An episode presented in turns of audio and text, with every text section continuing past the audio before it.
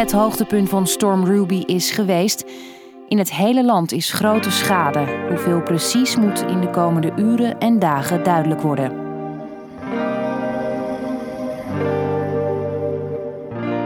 Wanneer Ruby is uitgeraasd, blijken er wonder boven wonder geen vermissingen of ongelukken met fatale afloop te zijn. Maar de ravage is groot. Kapotte wegen, ondergelopen huizen en bedrijven, gebouwen die door losgeslagen ondergrond onbegaanbaar zijn. De overheid kondigt al snel financiële steun aan. Niet verzekerde schade zal voor een deel worden vergoed. Maar hoe gaat zoiets in zijn werk? Hoe zorg je dat tienduizenden gedupeerden geholpen kunnen worden? Mijn naam is Jim Stolze en je luistert naar De Nieuwe Dijkbewakers. Dit is de laatste aflevering. De nasleep.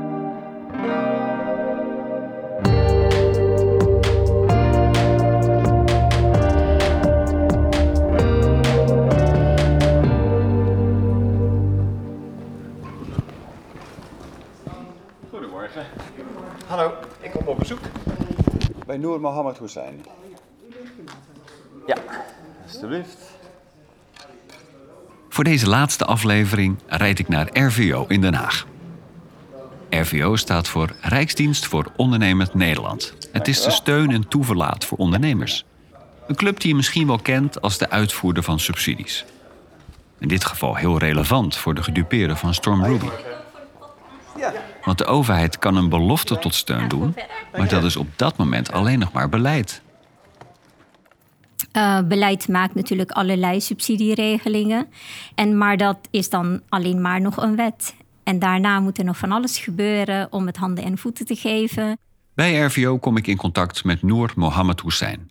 Noor is business analyst. Ze houdt zich in situaties zoals met Storm Ruby bezig met de uitvoering van subsidies en alles wat daarbij komt kijken. Uh, er zijn processen, de teams moeten gevormd worden, er moeten um, teksten op de website komen om klanten te informeren.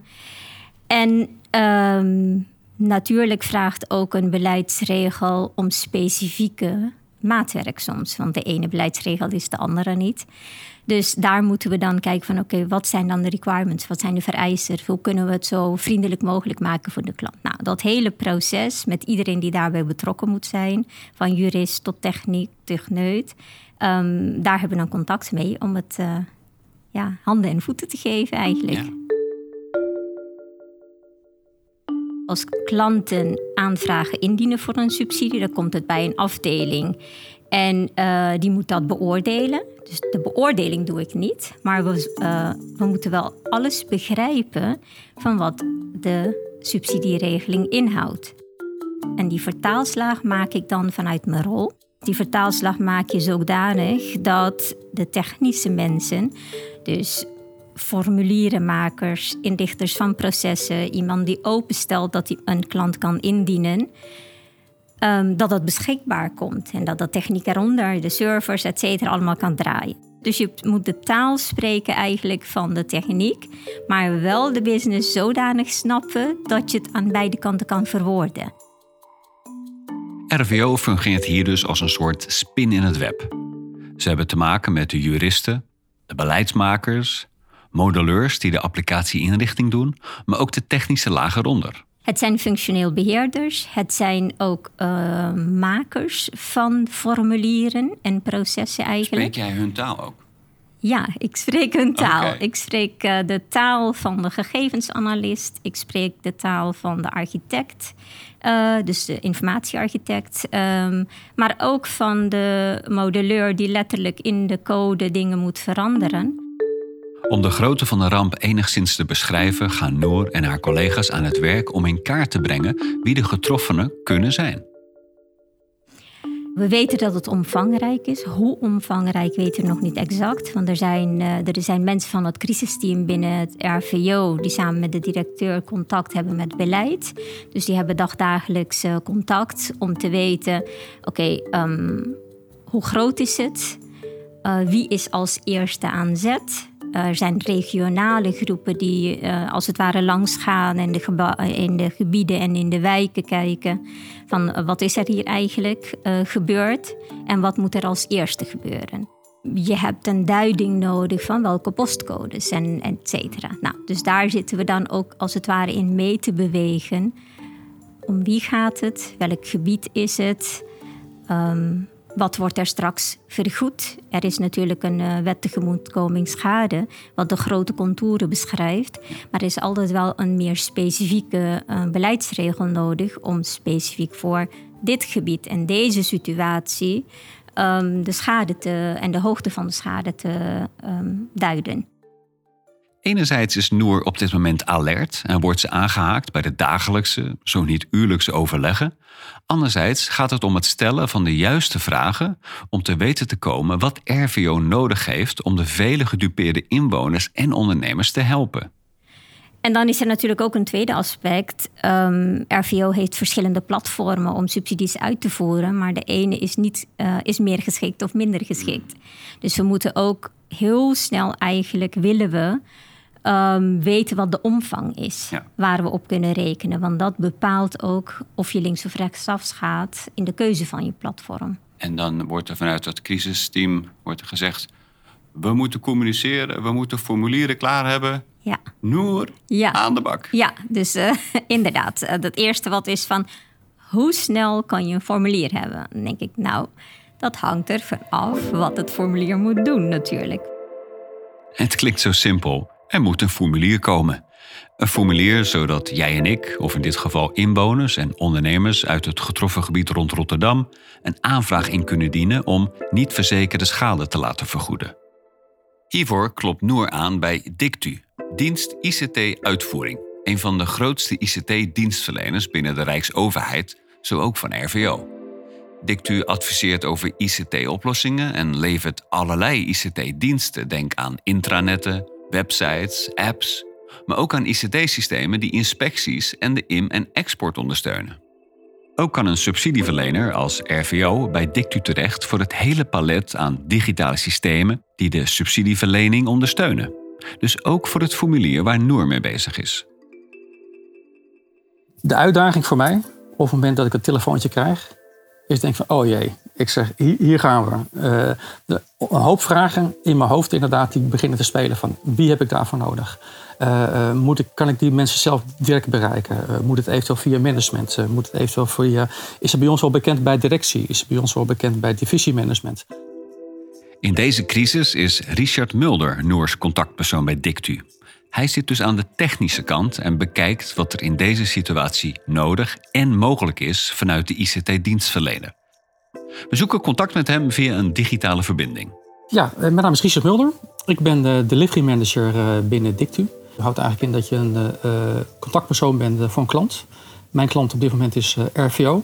En eigenlijk alle vragen die RVO heeft betreffende de ICT-dienstverlening Dictu, die loopt dan via een delivery manager. De delivery manager is ook vaak inderdaad verantwoordelijk voor een bepaalde applicatie. In mijn geval is dat Elocat. En voor die applicatie zorg ik inderdaad voor dat de beschikbaarheid is. Uh, dat de veranderingen uh, die in, in de planning staat, wordt gehaald. Elocat. Een applicatie die Richard beheert en gebruikt in scenario's zoals in het geval van Stormruby. Elocat is een applicatie vanuit RVO. Die zorgt eigenlijk voor alle subsidieaanvragen waarvoor RVO de opdracht gekregen heeft van Economische Zaken. Hiervoor heeft Dictu ontwikkelaars in dienst, waarvan twee zelfs specifiek voor Elocat. Zij ontwikkelen in afstemming met RVO het gevraagde formulier en ze hebben hierbij korte lijntjes met Noor. Het is eigenlijk constant een 1-2'tje. RVO die bepaalt eigenlijk inderdaad wat erin hoort te staan. Vanuit Dictu geven wij het advies inderdaad van joh, je kan er misschien net iets mooier of iets anders bij spreken maken. En uh, de 1-2 is op een gegeven moment dan dat we naar een acceptatieomgeving gaan om te gaan kijken van joh, kan die hierop geaccepteerd worden? Kunnen we inderdaad de functionaliteit die we voor ogen hebben, kunnen we die inderdaad in de daarin kwijt? En op het moment dat we een akkoord gaan krijgen vanuit RVO, gaan we in productie nemen. Het formulier staat open. Gedurende een vooraf bepaalde tijd kunnen gedupeerden hun schade melden. Dit is iets wat RVO actief naar buiten brengt, zodat iedereen op de hoogte is. Zo ook bij Ruby. Ik ben benieuwd hoe de berichten rond de storm bij Richard terechtkomen. We hebben eigenlijk een telefoontje gekregen vanuit van het RVO. Van jongens, van uh, alle hens aan dek. Van, uh, wij, zijn nu aan de beurt. En vanuit de, de regering is aangegeven... Joh, we moeten zo spoedig mogelijk inderdaad de mensen, de bedrijven, de MKB'ers... iedereen eigenlijk die schade geleden heeft... die moeten we proberen te helpen. schadeloos stellen. kijken waar we kunnen helpen eigenlijk. Ik heb met Noor gesproken, mijn, mijn collega inderdaad bij RVO... Die heeft aangegeven, hey Richard, joh, uh, uh, eigenlijk een soortgelijk iets als we hebben gehad met uh, waterschade Limburg. Is nu inderdaad voorgekomen inderdaad, met Ruby. Joh, je bent uiteraard op de hoogte van alle ellende eromheen en dergelijke. En we willen zo snel mogelijk eigenlijk weer een formulier gaan, gaan, gaan bouwen, gaan opleveren. Waarbij eigenlijk inderdaad weer iedereen die het behelst heeft eigenlijk... weer aanspraak kan maken inderdaad op de schadeloosstellingen. Na het belletje van Noor gaat Richard aan de slag.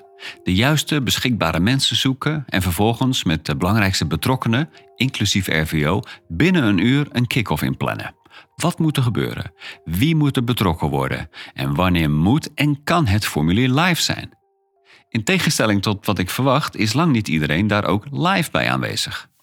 Nee, uh, we werken een beetje in, hybride vorm binnen Dictu. Dus uh, primair inderdaad heeft, heeft ieder eigenlijk een, een standplaats. Bij wijze van spreken, mijn standplaats is Den Haag. Daar ben ik onder normale omstandigheden ben ik daar regelmatig aanwezig.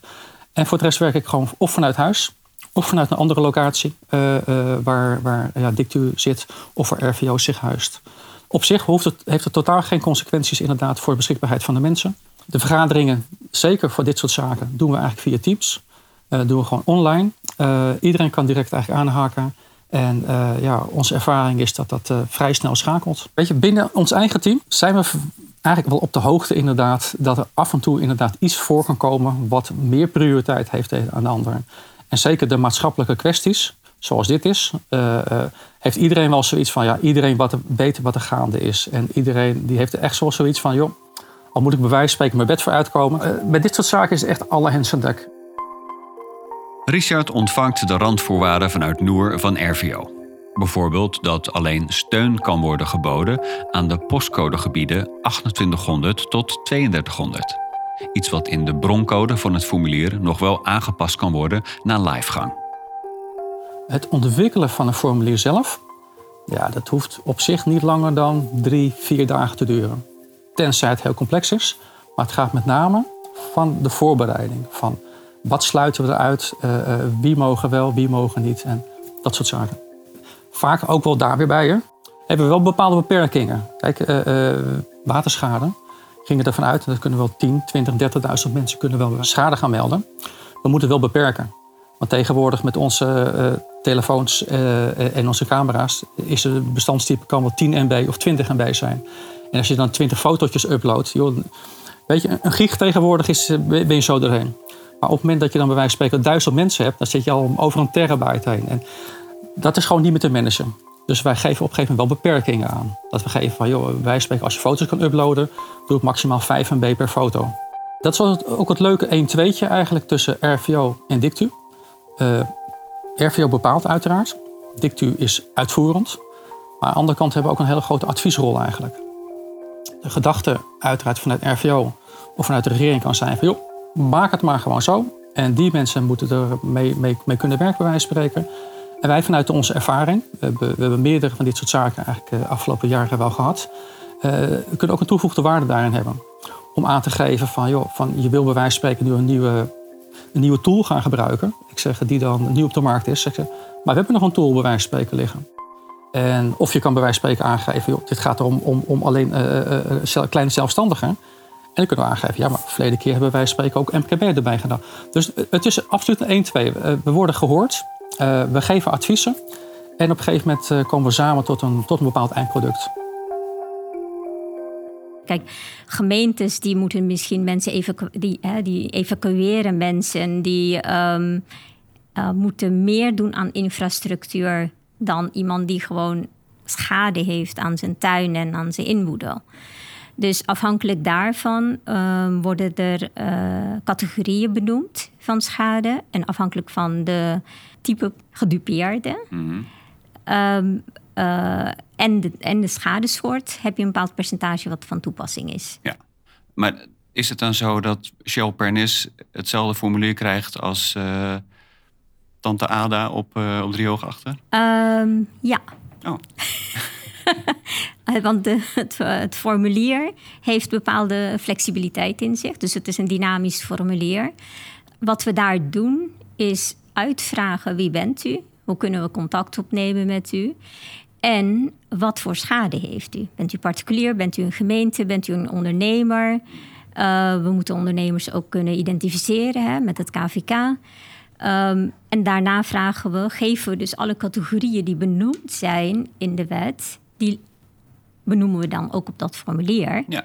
En dan kan de gedupeerde kiezen, nou, dit is voor mij van toepassing. Daarom kan het formulier gelijk zijn voor alle typen mensen. Want je kiest wat, voor jou van toepassing is. Er zitten ook specifieke zaken in. Uh, Rotterdam heeft een andere gebied wat afgebakend wordt voor de schade wat vergoed kan worden. Want er zijn altijd, um, ja, tot hoe ver wil je het vergoeden? En daar zijn, is de wet ook coulant in, want er is een strakke uh, grensafbakening. En vervolgens heb je een, iets van vijf kilometer uh, marge, dat als je daar binnenvalt, dat je dan ook in aanmerking komt. Om te voorkomen dat mensen in andere provincies ook die formulieren gaan invullen. Ja, dus alleen ja. maar extra tijd. Bedoel, je kan in Groningen wonen en waterschade hebben, maar daar is de wet dan niet voor. Nadat we weten wat de omvang is, hebben we een richting voor het platform. Dan weten we ook met wie we contact moeten opnemen. En ehm, we zetten de mensen alvast, brengen de mensen eigenlijk alvast in stelling hmm. dat ze mee gaan luisteren en mee gaan overleggen. Dus we hebben eigenlijk een soort getrapt. Uh, ik zit dan in dat eerste overleg om te begrijpen waar het heen gaat.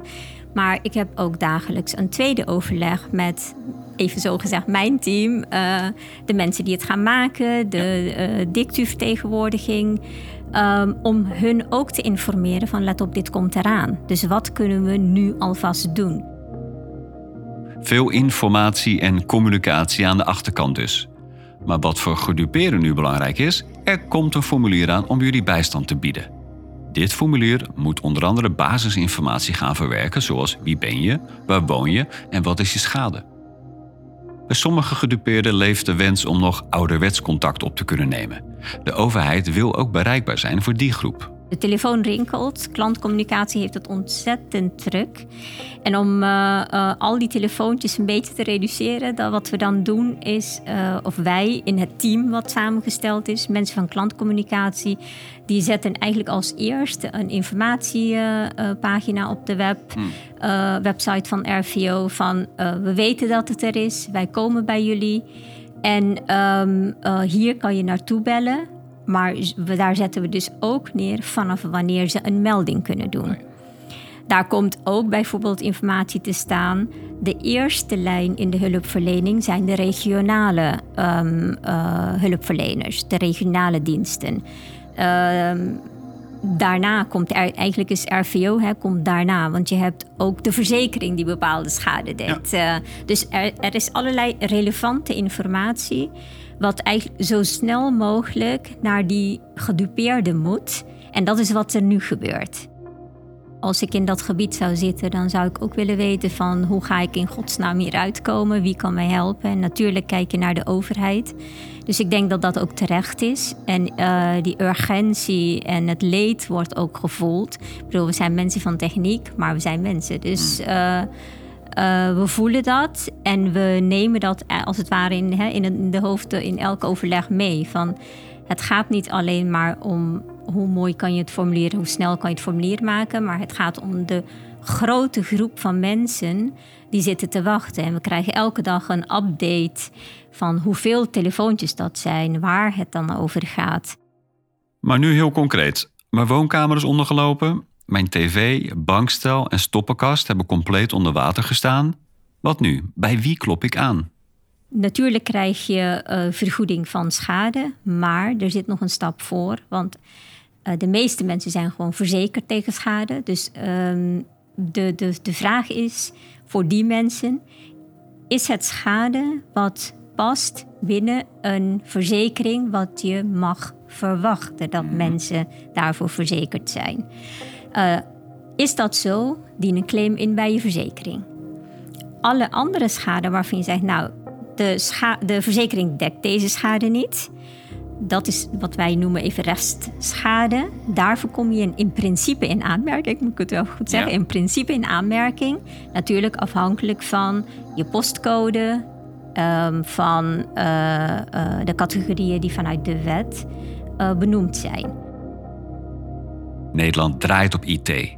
Het zit in het kloppende hart van al die rijksorganisaties die dagelijks zorgen dat de samenleving functioneert. IT'ers zijn al lang niet meer door collega's die aan de zijlijn van grote maatschappelijke opgaven faciliterend bezig zijn. Zij leveren juist een essentiële bijdrage aan het vormgeven van de oplossingen. De casus van Storm Ruby loopt op zijn einde. Mensen keren terug naar hun woning en kunnen enigszins opgelucht ademhalen. Het menselijk leed en de schade lijken, vergeleken met de kracht van de storm, mee te vallen. Daartegenover staat de optelsom van de omvangrijke materiële schade. Straten liggen bezaaid met dakpannen en takken. Zonnepanelen zijn naar de andere kant van de Maas gewaaid. Strandtenten verwoest. Opslagloodsen staan vol beschadigde goederen. Het spoor tussen Rotterdam en Den Haag moet deels opnieuw aangelegd worden. En talloze tuinders moeten het voorlopig zonder hun kassen doen. We wonen in een bijzonder land, dat mede door zijn ligging niet altijd veilig is voor natuurlijke invloeden van buitenaf. Waar de werkdag van een dijkbewaker vroeger vooral bestond uit het ophogen van dijken en controleren of ze intact bleven, doen de nieuwe dijkbewakers heel wat anders. De dijkbewakers die we in deze serie hebben ontmoet, zijn werkzaam in het digitale domein. Met behulp van geavanceerde technologie zorgen zij dat we in dit mooie land kunnen leven en onze sokken droog houden. Door tijdige signalering van de storm door Hisso en René bij het KNMI werd het bezoek van Ruby al verwacht en konden voorbereidingen worden getroffen. Door de rekenmodellen van Kajan en collega's in de waterkamer kon uurlijks worden geplot wat de impact van het water precies zou zijn en welke acties daarbij nodig waren. Iets wat onder andere de stormvloedkeringen kon voorzien van de benodigde informatie. Dankzij het werk van Mark en zijn collega's bij de Maaslandkering is een veel ernstigere hoogwatercrisis voorkomen.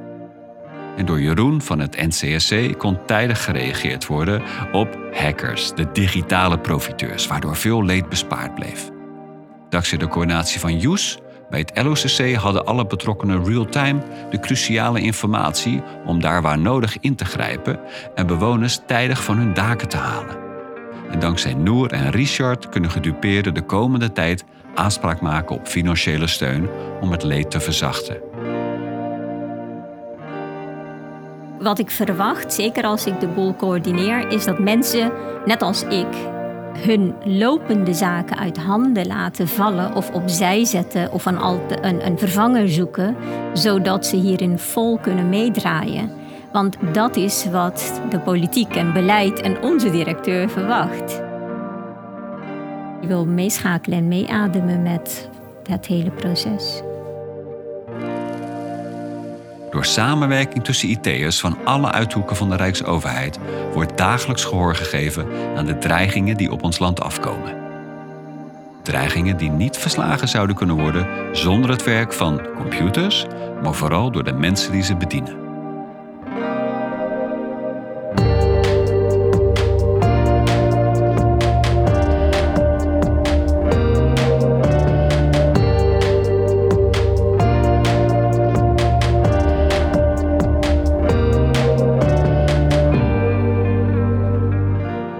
Nieuwe Dijkbewakers was een productie van het podcastkantoor in samenwerking met de Rijksoverheid. Presentatie werd gedaan door mij, Jim Stolze, en de muziek die je hoorde is gemaakt door Emiel Landman. Vond je dit een interessante serie? Abonneer je dan op de podcast om ook toekomstige seizoenen niet te missen. En laat vooral even een review achter, zodat we beter vindbaar worden voor nieuwe luisteraars. En wil jij je IT-skills inzetten voor Nederland? Ga dan naar werkenvoornederland.nl/ict